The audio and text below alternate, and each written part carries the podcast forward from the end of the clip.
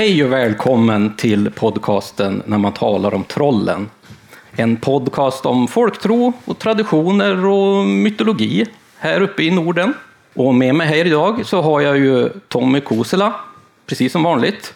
Min kära kollega i detta, som är doktor i religionshistoria och experten som svarar på mina dumma frågor. Och jag själv heter ju då Lars Wahlström ifrån Oknytt, Nordisk folktro och mytologi. Och idag är det ju ännu ett sånt här härligt avsnitt där vi får träffa er. Jag, jag står och tittar här, det är nästan så att jag kan ta på er. Det, det brukar man inte få göra när man spelar in podd oftast. Men nu finns ni här och jag ska inte ta på er, det kan jag garantera. Så att ni kan vara lugna. Men vi är ju på det vackra Naturum Tåkern här vid sjön Tåkern i Östergötland. Det är ju jätte, jättekul. Denna otroligt vackra, vackra plats. Och det här är ju jävligt kul. Just Tåkern är ju en av norra Europas bästa fågelplatser. Och det är inte utav intet alltså. Det tycker jag är riktigt häftigt. Just här finns det ju skrattmås, det finns ju rörrom, det finns skäggmes, brun kärrhök och trastsångare. Och ja, över 130 arter häckar ju faktiskt vid den här sjön. Och det är ju skithäftigt. Och ännu mer har man faktiskt sett vid den här sjön. Och då kanske det är lite naturligt att vi faktiskt pratar om ämnet folktro kring fåglar. Eller hur Tommy? Det tycker jag låter alldeles utmärkt.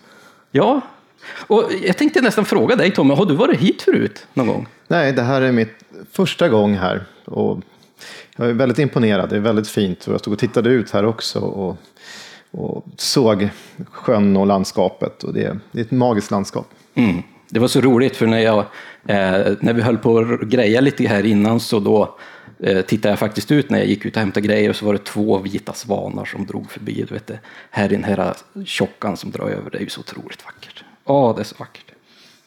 Jag har faktiskt varit här förut en gång, för bra många år sedan.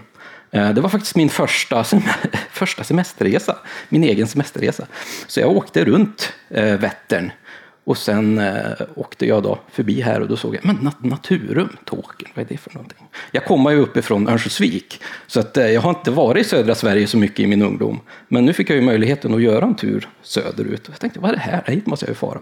Jag tror jag spenderade säkert tre, fyra timmar här ute. Bara gick runt och tittade och satt här ute och läste lite böcker om fåglar och grejer. Det var så himla mysigt. Så det var kul.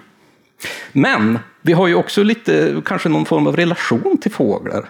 Jag vet att i ett tidigare avsnitt så har du pratat om lite fåglar som du har min, munnits, minnits, minnits. Du minns? När du var yngre. Är det Munin som är problemet nu? Det är Munin. Ja. Munin. Jo, absolut. Vi hade ett avsnitt som vi gjorde, ett längre avsnitt som handlade om kråkfåglar. Och där fanns det hur mycket som helst att berätta. Det var ju det är fantastiskt.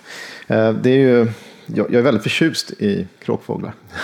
Inte minst är det då skator som jag alltid har gillat, som jag tyckte om sedan barnsben. Det är väldigt lustiga fåglar som har mycket hyss och sånt för sig. Så det är roligt att följa dem med blicken och se vad de hittar på. Men eh, annars har ju också havsörnen varit en fågel som jag har varit väldigt förtjust i. Och jag fick för i somras faktiskt, i år, så kunde jag se så mycket som 12 havsörnar samtidigt i blickfältet. Wow! Jag var alltså på, åkte Hurtigruten, så vi gå långt norrut. Så åkte vi ut till utanför Lofoten till ett ställe där det finns mycket havsörn. Mm. Och där kretsade flera stycken från olika håll. Som räknades som mest 12 stycken samtidigt. Och man bredde sig runt och kunde räkna 12 olika. Så det var magiskt. Det är ju otroligt läckert alltså. Ja, jag, jag, kanske ska dra en inte lika trevlig anekdot om just skatorna. Jag kom på det nu när jag, jag skulle fundera lite grann. Vad, ja, men, eh, vad har jag för sådana minnen av fågelmöten? Och jag minns tyvärr eh, när jag var liten och det blev eh, sommarlov så fick man ju äntligen sova länge på morgnarna. Åh, vad skönt det var. Och man hade fönster öppet för det var ju så varmt för solen lyste ju in. Men tidigt, tidigt på morgonen så var det naturligtvis ett skatbo mitt utanför mitt fönster. Varje, varje, varje år. Så att eh, de väckte ju mig super, super tidigt och jag fick ju aldrig sova. Så det var ett sånt där, ah, ska de ligga där, sitta där nu och skväla i sitt bo hela, hela tiden. Men det är ju såklart vackra fåglar. Och jag håller med dig, de är otroligt roliga att sitta och titta på. Vi har väldigt mycket skator utanför vårt hus nu, eh, där de är så lekfulla. Jag har kan, en- ju, du kan ju varsla om du får främmande och sånt där. Det är så man tänker i den folkliga föreställningsvärlden. Det är ju sant. Man ska inte röra Nej. De ska vara kvar där och sen så deras läten kan avgöra om du får främmande. Mm. I värsta fall kan de också varsla om personer kommer dö eller andra hemskheter också. Eller förändringar i väderleken som kanske är det mest vanliga när det gäller fåglar. Jag har faktiskt en annan anekdot där också kring fåglar. Just när vi pratar här om olika föreställningsvärldar lite grann. Och det är att vi har vår sommarstuga vid en eh, sjö som heter Kravvattnet. Där har vi en sommarstuga och den sommarstugan har funnits i vår släkt i bra många generationer. Och eh, sista generationen då, innan oss, det var min farmor och farfar. Min farmor och farfar var alltid vid den här sommarstugan. De satt alltid ute där på altanen och tittade ut över sjön jämt när man kom dit. Och de kommenterade alltid någonting kring sjön när man kom dit. För att det finns en hel del mås och så är det lom där och sådär. Så att det var ju alltid någonting de här fåglarna hade gjort under dagen liksom, när de hade suttit där och tittat. Sen så 2000 och 2002 så dog mina farföräldrar, farmor och farfar. Eh, Så vi fick ju liksom ta över den här sommarstugan då. Vi byggde ut lite grann. Sen har vi börjat se två stycken svanar. Ett svanpar som åker runt där ute på, på sjön faktiskt. Varje sommar vi är där nu så är det ett svanpar, två vita fina fåglar som glider runt. Och det vet jag i alla fall min mor tycker är väldigt speciellt. För att eh, hon tycker att liksom på något sätt är våra farföräldrar kvar då, där ute vid sjön. Sen kan jag dra en sån här liten eh, skojig anekdot faktiskt. Eh, eller skoj, jag vet inte. Men det finns ett ordspråk eh, hemma i Örnsköldsvik, eller i Björna i Norrland, som vi har. Och där har man ett ordspråk då för att förklara hur många fåglar det finns, vilka arter det finns. Man kanske inte har riktigt bra koll på det. Så att, eh, då brukar man säga att det finns storslaghöken och det finns lillslaghöken och så finns det spärn. Det är de tre fåglarna som finns. Så att det är en stor fågel, och en mellanfågel och en liten fågel. Men nu har vi dragit det.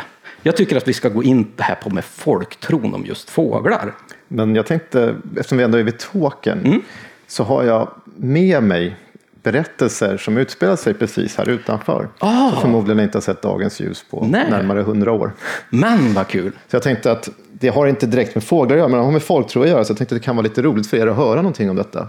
Absolut. Som ni hörde så jag arbetar ju till vardags i ett eh, dialekt och folkminnesarkiv i Uppsala. Och där har man samlat in berättelser sedan slutet av 1800-talet.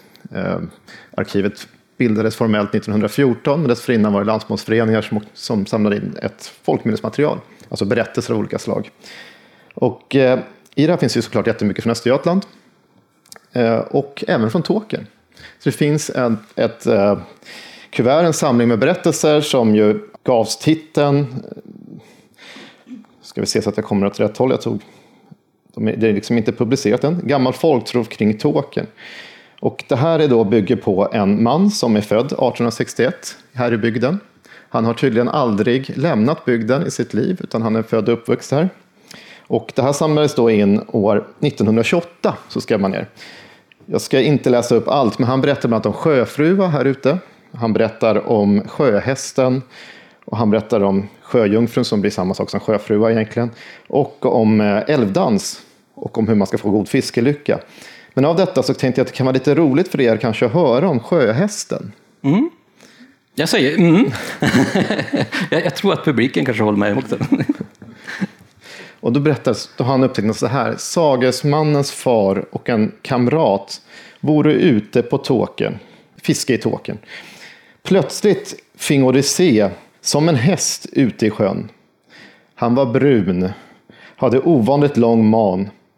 Som de hade hört att en märr från Hunnesta socken hade simmat ut på sjön trodde de att djuret de såg ute i sjön var detsamma och rodde iväg efter det. Men djuret satte iväg i ryslig fart så att det fingo ej tag i det. Det fingo vända eh, med oförrättat ärende, men vädret som förut varit vackert och lugnt förändrades med ens. Det tog till att blåsa så att det var nätt och jämnt de båda fiskarna tog sig i land. De förstod att det var sjöhästen de sett.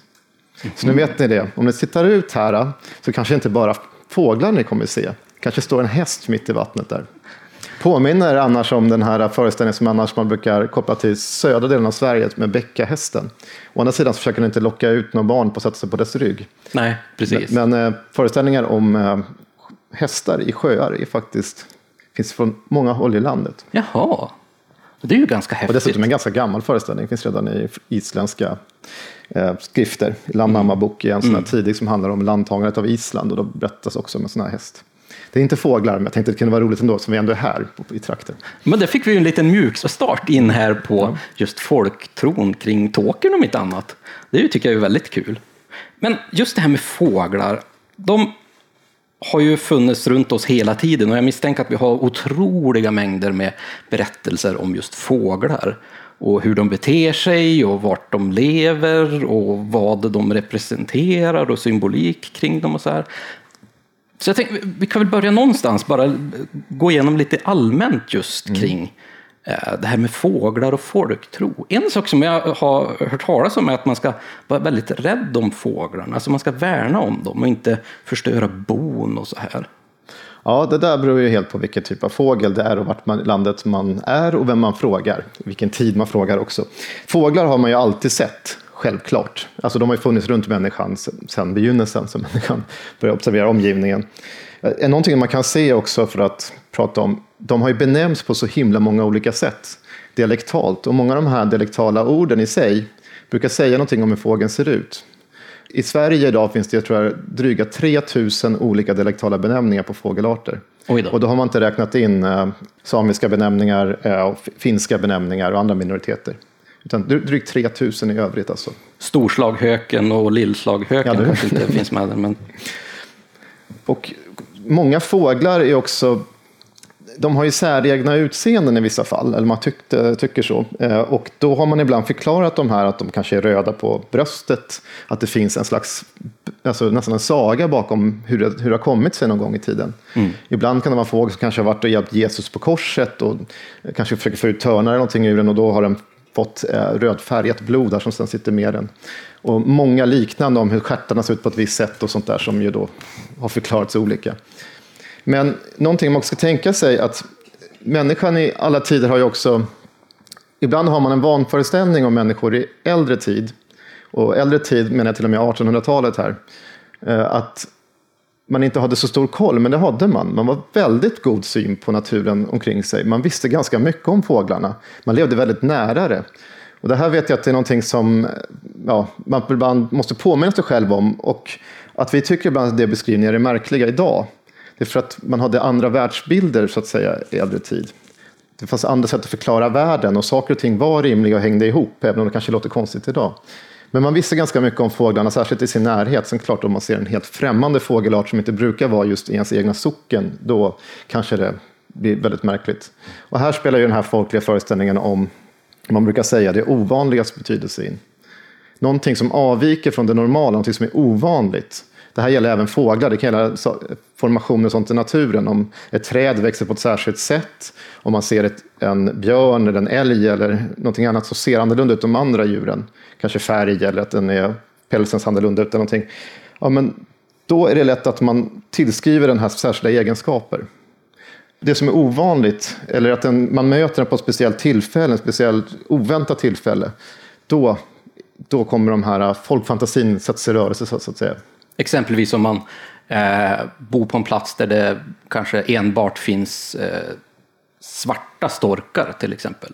Och helt plötsligt så dyker upp en vit stork. Ja, Så blir det ju någonting som bryter ifrån tillvaron som helt plötsligt, nej men var kommer den här ifrån? Den här måste ha en speciell innebörd eftersom den är vit. Vi har aldrig sett någon som är vit om de inte har sett de det så absolut, då är det sannolikt. Det har väl också varit liksom förknippat med att få, vissa fåglar kan vara liksom ett på nytt födelsens djur också kanske. Vissa fågelarter kan ju absolut vara det, men jag tänker snarare att det som är mera genomgående för fåglar i folktron, det är att de varslar om saker och ting. Mm. Genom att se fågeln, eller man tar liksom, tittar på hur den rör sig, vart den sitter i träden, hur den flyger, olika ljud man kan höra. Det varslar oftast om vädret, alltså förändringar i väderleken.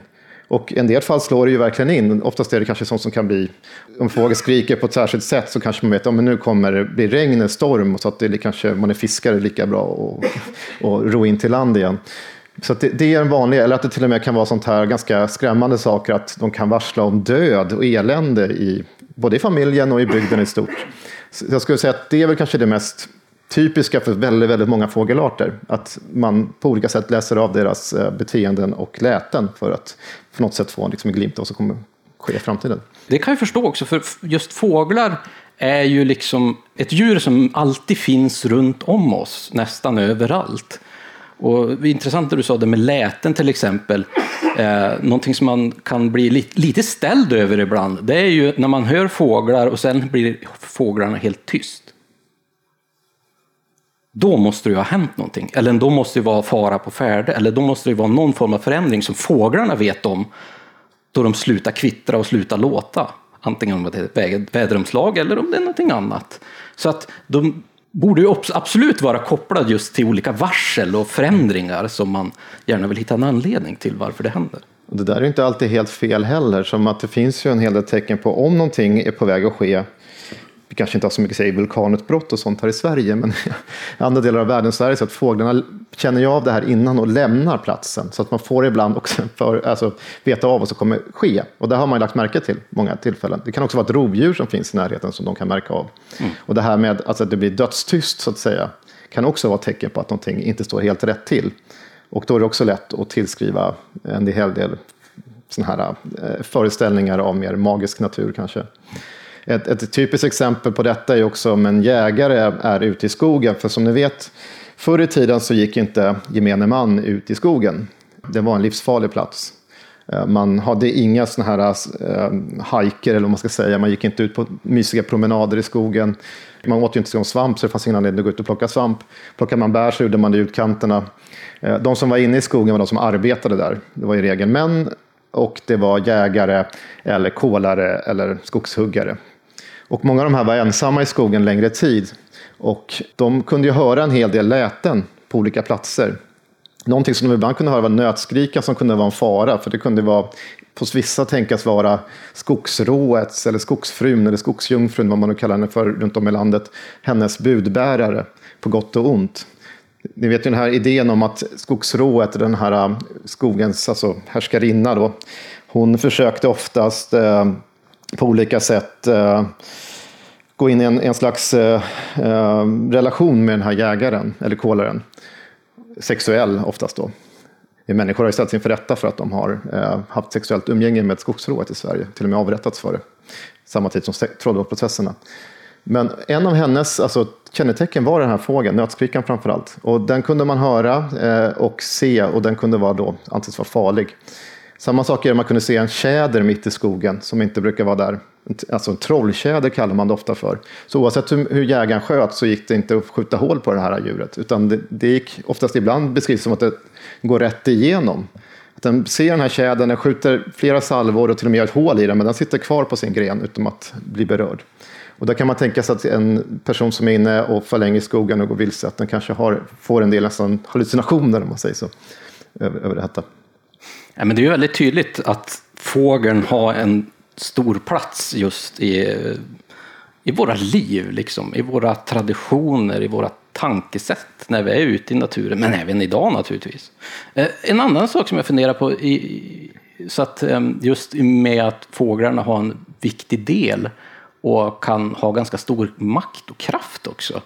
Jag läste någonstans att man inte helst ska härma fåglarna när man är ute i naturen heller. Nej, det finns, det finns en sån föreställning också. Vissa, vissa fåglar åtminstone. Och det här skiljer sig från trakt till trakt. Det är därför det kan vara så svårt att, att säga något generellt. Men vissa kan bli förorättade av detta och så kan man straffas av det. Att man kan få alltifrån eh, sjukdomar och skador på sig om man, om man härmar fel fåglar på fel sätt.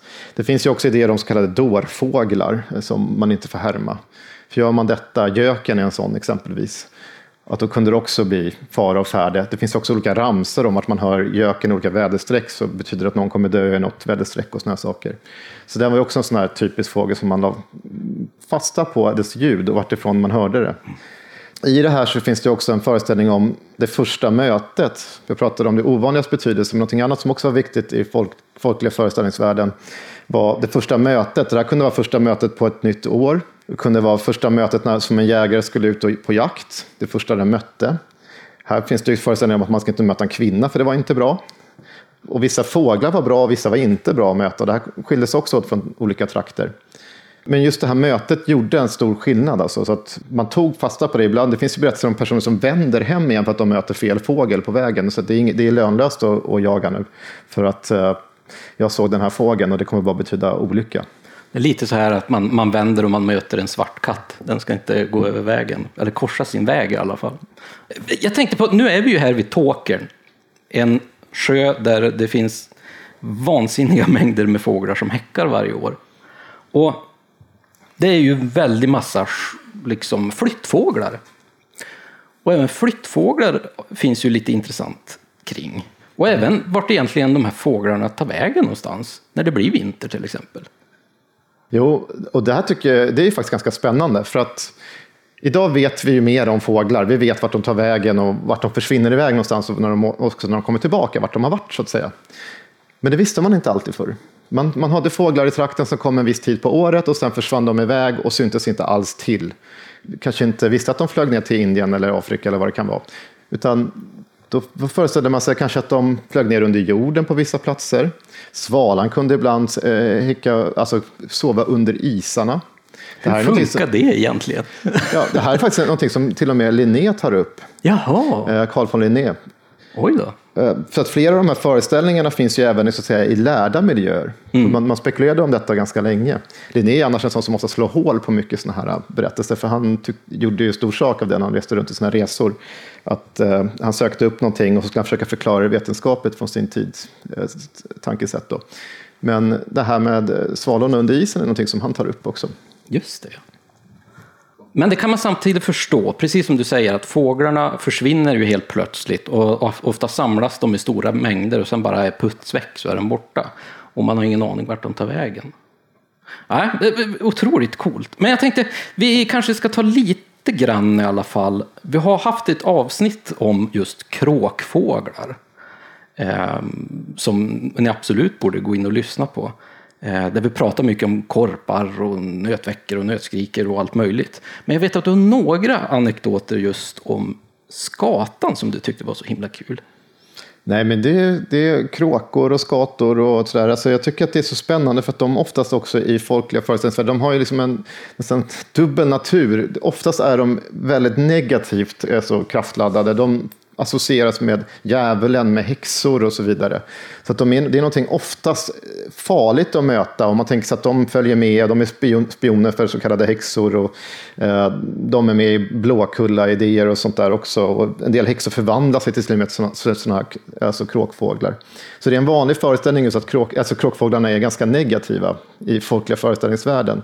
Men så finns det ju också den här andra idén om att de är positiva, inte minst de som bor på gården, om man har ett träd, att de man inte ska röra dem, deras bon, för att de liksom kan, kan varna för saker och ting som kommer in till gården. De kan, eh, ja, de kan faktiskt till och med bringa lycka till gården i vissa fall. Jag har lyssnat på, jag var i eh, England för, kan det ha varit någon månad sedan nu, allting glider ihop här, så mycket som händer på en konferens med Folklore Society. Och då var det en som pratade om uh, rookeries i England, alltså råkor. Mm. Och där har de sådana här jättekolonier med råkor och pratar de också om på Irland är det samma sak. Att de här kan bo alltså, tiotusentals fåglar som samlas i sådana här rookeries.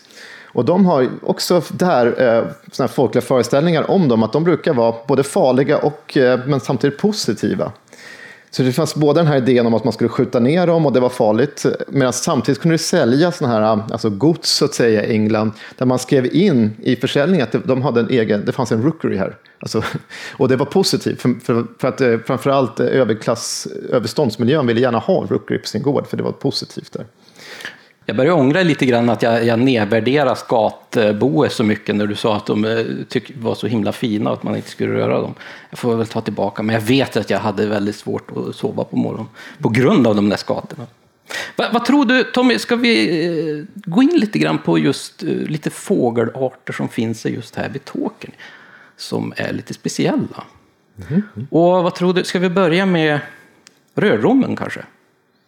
Det låter väl trevligt. Det kan vi absolut göra. Hade vi något ljud från den också? Som... Ja, ska vi kanske, för den är ju väldigt speciell. Den har ett väldigt säreget ljud som har färgat just vår trosföreställning kring just den här typen av fågel. Jag ska spela upp en liten snutt här så ska vi få höra.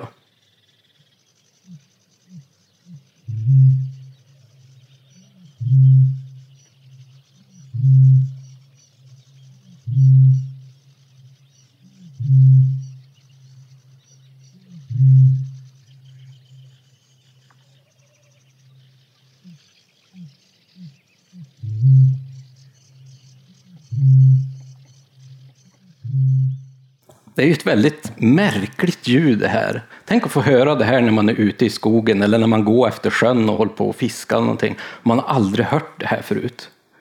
Vad föreställer man sig för någonting? Oftast så har den här, om man säger internationellt sett, så har det tänkt påminna om tjursbölanden.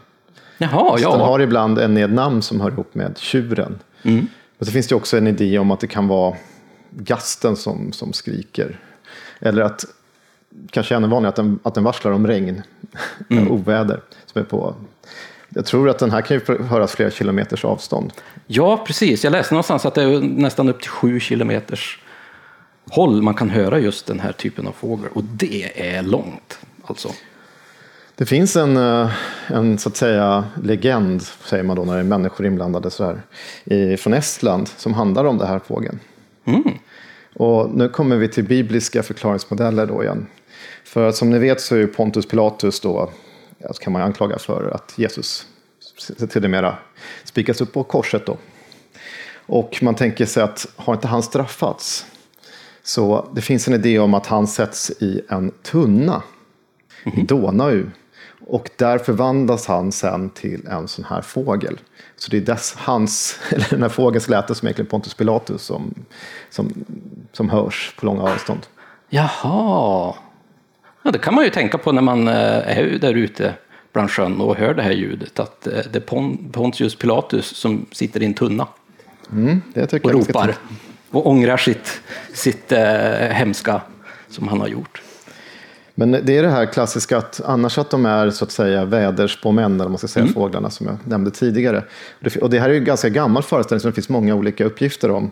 Och eh, jag har ett exempel här bara, alltså någon, någon en eh, kyrkoherde från Stockholm har skrivit om detta på 1714. Han hette Simon Isogeus från Klara församling, han skrev 1714. Eh, fåglarna kunna förutkänna väderlekens skiftningar och med dess särdeles låt, flykt eller andra åthäver ger en tecken ifrån sig. Därav kan människan förstå vad som tillstundar, alltså vad som kommer ske. Så redan 1714 så har vi den här typen av beskrivningar eh, mm. om, eh, om att olika fåglar ger typ, dess läten kan liksom avläsas för att få förstå förändringar i, i omgivningen. Det här är väl ganska typiskt olika typer av trosföreställningar och trolldomstankar kanske. Just att eh, många djur och olika händelser förebådar varsel. Att man ska kunna se någonting i framtiden. Ja, eller man ska höra av ljudet så kommer man förstå att någonting kommer ske. Mm. Så att säga. Och som jag sa är det oftast vädret. Ja. Regn är vanligt knutet liksom. till rörrommen här.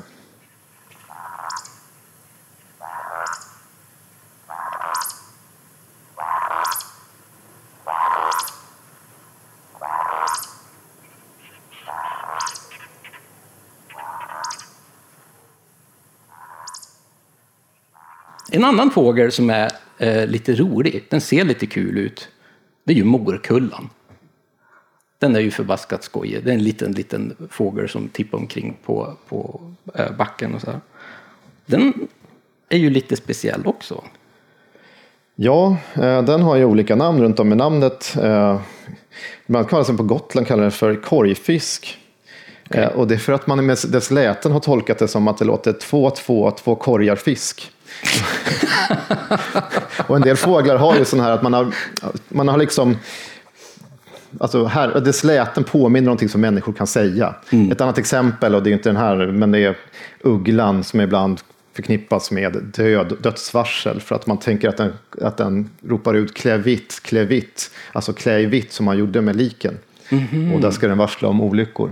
Det finns en annan som jag kanske ska läsa eller ta upp här som exempel som jag tog ner som jag tyckte var lite rolig när det gäller hur djuren kan härma saker och ting och, och ibland är det ganska skämtsamt.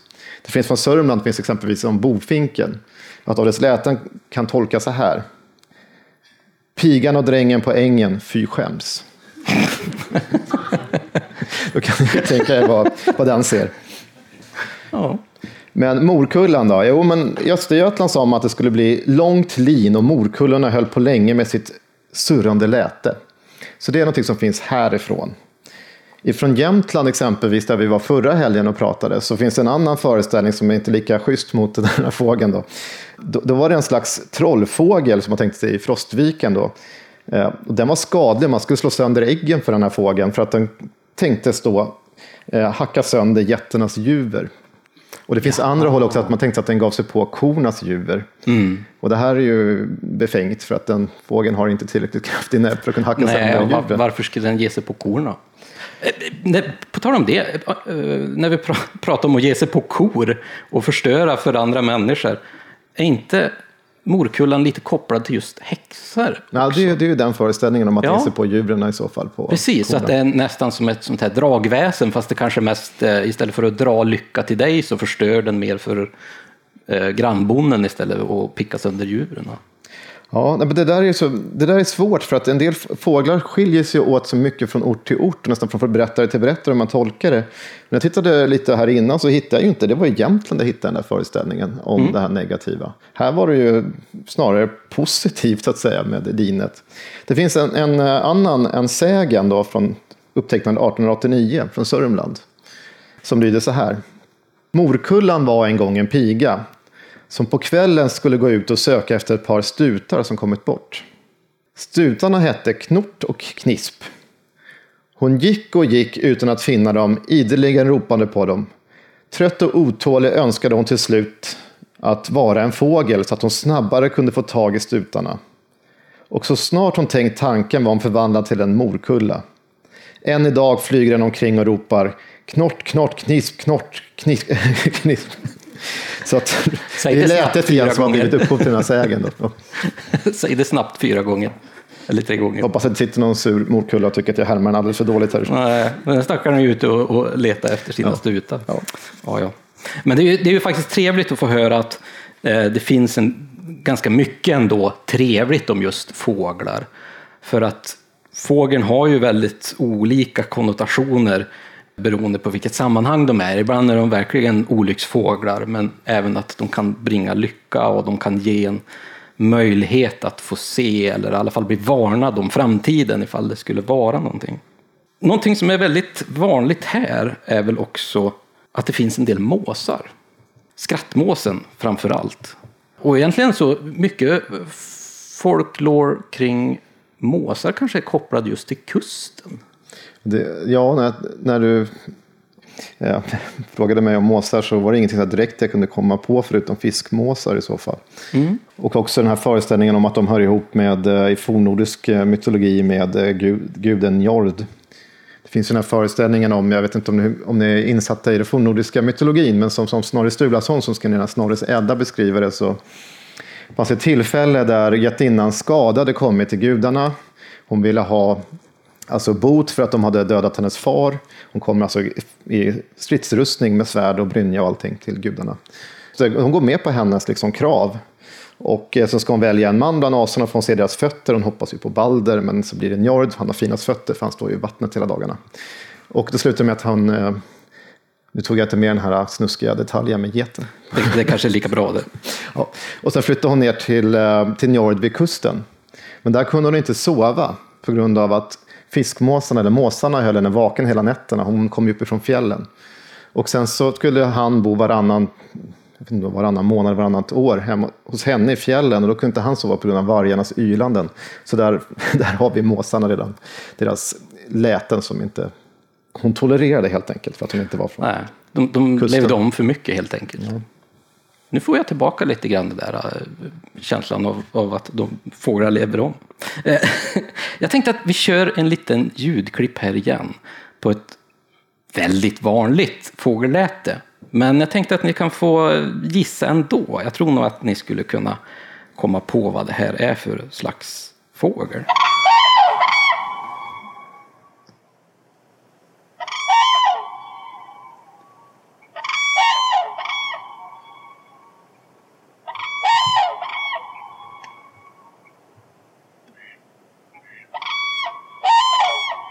Det här är ju naturligtvis tranan.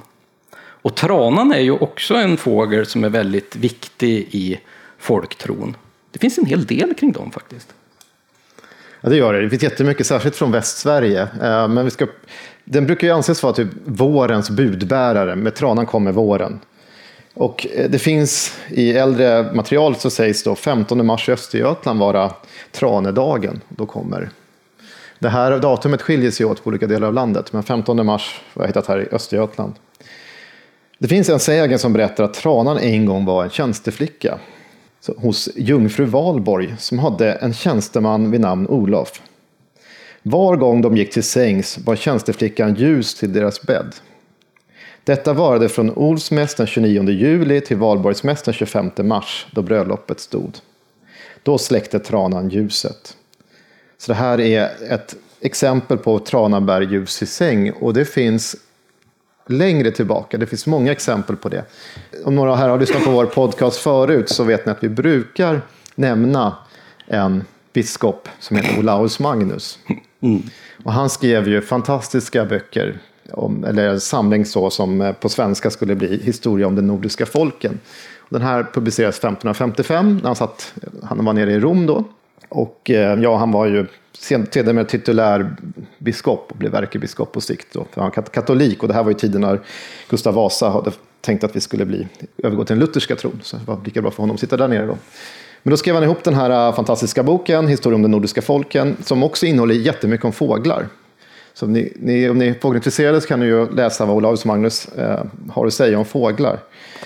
Men någonting som tas upp här, nu har jag inte med mig hans böcker för att det hade blivit för tungt att bära, men jag ska läsa upp en liten del om det här med Tranabär ljus i säng, som han tar upp i det. Som sagt, det här är 1555.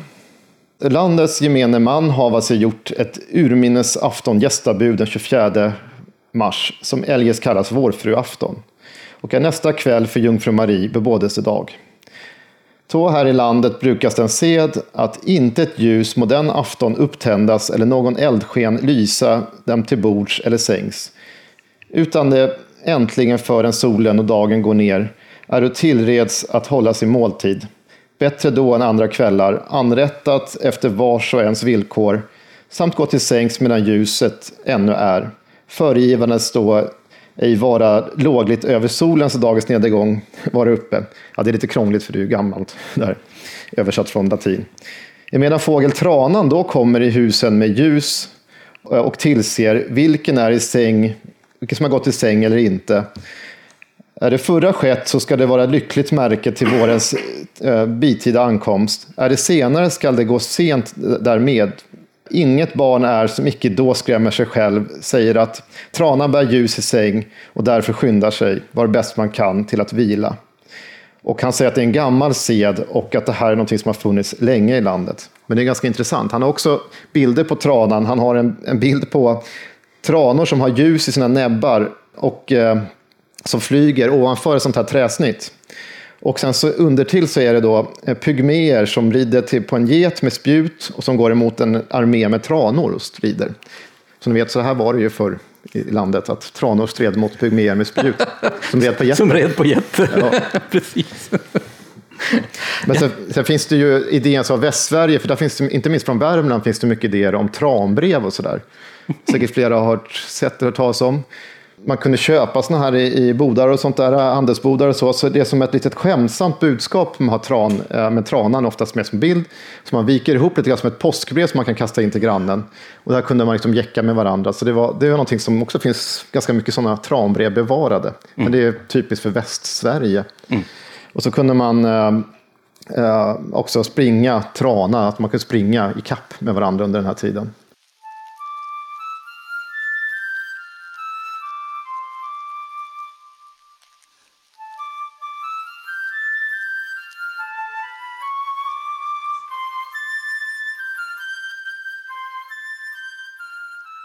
Vet du Tommy, jag tror vi ska ta en sista fågel här. Mm.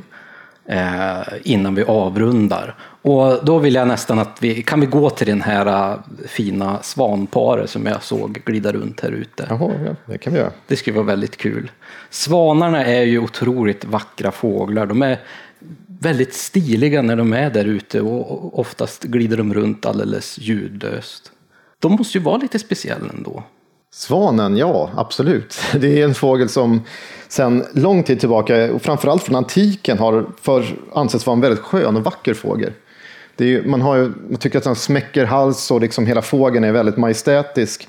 Det finns ju också, den har knutits till en del gudomligheter i antiken redan. Det mest kända kanske är hur Zeus förvandlas, alltså guden Zeus förvandlar sig till en, till en svan vid ett tillfälle och förför Leda då, som är en en kvinna på den här jorden. Eh, och eh, hon föder två tvillingpar sen. Han valde att ta formen av en svan. Ja, så det finns till och med avbildat på en del ja. Eh, gamla vaser och sånt där. Hur svanen förför leda då helt enkelt. Mm. Alla har vi våra preferenser. Ja. Och det finns också, och de här tvillingarna är ju också stjärnbilden sen, tvillingarna mm. efteråt. Men det finns ju också idéer om att Afrodite ska ha ridit på en svan. Som också är, och framförallt kanske Apollo då, eh, storguden på sätt och vis, eh, också har en svan som drar hans vagn i en del avbildningar. Medan han i andra tillfällen har delfiner som drar en annan vagn. Och de här eh, hemska gorgonerna som beskrivs i den grekiska mytologin, varav Medusa kanske är den mest kända, en av de här systrarna. De hade, de hade också andra systrar som, hade, som heter Graier, som var, kunde ta svangestalt. Men i Norden här så kanske man då ska tänka sig kring svanarna så finns det ju då ett, någonting som kallas för svanjungfrumotivet. Och det här har många forskare skrivit om länge. Det finns en slags svansaga som finns i olika utformningar runt om i Europa. Och här i Norden har vi någonting som finns i en dikt, en eh, hjältedikt då, som ingår i den här poetiska Eddan. Som heter Kvädet om Völund, alltså Völundarkvida. Och den går i korta drag ut på det här att Nidud var en kung då i Svifjod som är då i Sverige. Han hade två söner och en dotter och dottern hette Bödvild. Det fanns tre bröder, söner till en samisk kung. En hette Slagfinn, den andra Egil, den tredje Völund. De åkte skidor och jagade. De kom senare till ett ställe som hette Ulvdala och byggde sig ett hus där. Och där fanns ett vatten som hette Ulvsjön. Och tidigt en morgon vid den här sjön så fann de här bröderna på stranden tre kvinnor som satt och spann lin. Och bredvid dessa kvinnor så låg alltså svanhamnar. Här, svanhamnar är då dräkter de kan klä iklä sig för att bli en svan. Och de här tar ju med sig de här hem så att de får gifta sig med de här kvinnorna. De här tre var alltså valkyrior. Bara en hette faktiskt Svanhild också. I annat så finns det ju mycket annat knutet till, till svanarna. Eh, dels har vi ju själva ordet i sig. Jag sa att det fanns 3000 benämningar på fåglar i Sverige bara. Men just svanen är något som är ganska gemensamt i de flesta europeiska språk, vilket är mm. intressant. Man har tänkt att det är bildat av ett sanskritord då, som eh, svanati, som betyder juda. Så att det här är alltså dess ljud som man har tagit fasta på, särskilt när de är i grupp. Och överlag så pratar man väl då om eh, att det är synd att döda en svan. Eh, jag tänker mig att det är knölsvan man tänker på i de flesta av de här folkliga föreställningarna. Och sen har vi den här idén om svansång också, svanesång. När någon, alltså svanen ska ge ifrån sig en särskild sång när den är döende. Och det används som människor också i överförd betydelse. Och så finns det också en, eh, i Småland, i Värend och Virdane, så finns det har Gunnar Olof Hultén Cavallius skrivit lite grann om svanen och norrskenet. Och då menar jag att på den tiden djuren kunde tala hände det att två svanflockar låg i vassen och diskuterade. De var på väg norrut. Hur det nu var beslöt de sig för att tävla om vem som kunde flyga längst mot norr. De gav sig av och vad det led hade snart, hade snart den ena flocken lämnat den andra långt bakom sig. Den slog sig då ned på ett lämpligt ställe och ordnade för sig för sommaren. Efter ett par dagar kom den andra flocken. Då den såg att de goda betesmarkerna redan var upptagna beslöt den sig för att flyga ännu längre, ända till, den högsta Norden. Ankomna dit slog svanarna sig ner på ett isflak för att vila, alldeles uttröttade efter den långa färden. Det var emellertid mycket kallt och på natten frös svanarnas fötter fast. Och där står det än idag. Då och då söker det lyfta och när det då flossar med vingarna blir därav ett återsken på himlen. Det är detta vi kallar för norrsken. Det var ju en väldigt vacker bild, även fast det kanske inte är så vackert att se de här svanarna fastfrusen på ett isflak. Men, men, men eh, man kanske får en liten förståelse för eh, norrskenet i, i det här läget i alla fall. Nu är det ju frågan om eh, du och jag, Tommy, ska sjunga våran svanesång.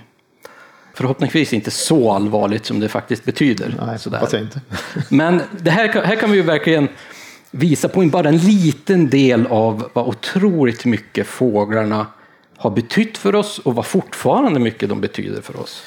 Det är ju få saker som är så intressant som att titta på fåglar när de är ute i naturen. Och jag tänkte ge ett boktips, eller två boktips här till er som är intresserade av att veta mer om detta. För jag har med mig två böcker som jag tänkte att de här brukar vara hyfsat lätta att få tag på. Den ena är uttryckt, den andra finns i tryck. Den första är då Fåglarna i folktron skriven av en som heter Carl Herman Tillhagen. Han var länge chef för Nordiska museet för arkivet där. Eh, och den, den är, innehåller jättemycket fakta eh, om fåglar och folkliga föreställningar om fåglar, men det är från hela världen. En, en brasklapp är att han ibland drar ganska eh, märkliga paralleller och sådär. Men, men den är i huvudsak den mest fullödade eller boken som finns om fåglar i folktron. En annan bok som är ganska nyutkommen är av Ingvar Svanberg som heter Fåglar i svensk folklig tradition. Och den här finns nu i tryck. Och här får ni inte bara folktro utan det är såklart allt möjligt som har med fåglar att göra i, ja, i folklig föreställningsvärld Då och folklivet. Jag har båda de här böckerna jag också. Det är så himla roligt att sitta och bläddra i dem och välja ut de fågelarter och så läsa om vilka föreställningar det finns om varje fågelart. Det är så himla kul, om kungsfiskar och allt möjligt. Liksom. Eh, så det kan vi absolut rekommendera. Sen finns det ju såklart hur mycket som helst skrivet i artikelform och i mindre text, alltså andra texter. Mm. Men det här är två som är hyfsat lätta att få tag på idag. Mm.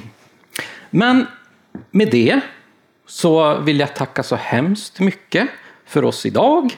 Tusen tack till Naturum Tåkern. Det var jätteroligt att vi fick komma hit och få prata om fåglar. Det här var ju liksom en, en, ganska liten del. Vi har ju så väldigt mycket vi skulle vilja berätta om fåglar. Men nu fokuserar vi liksom på just de fågelarter som syns ofta här. Ja, vi pratade ju om över två timmar tror jag, om kråkfåglar i det avsnittet.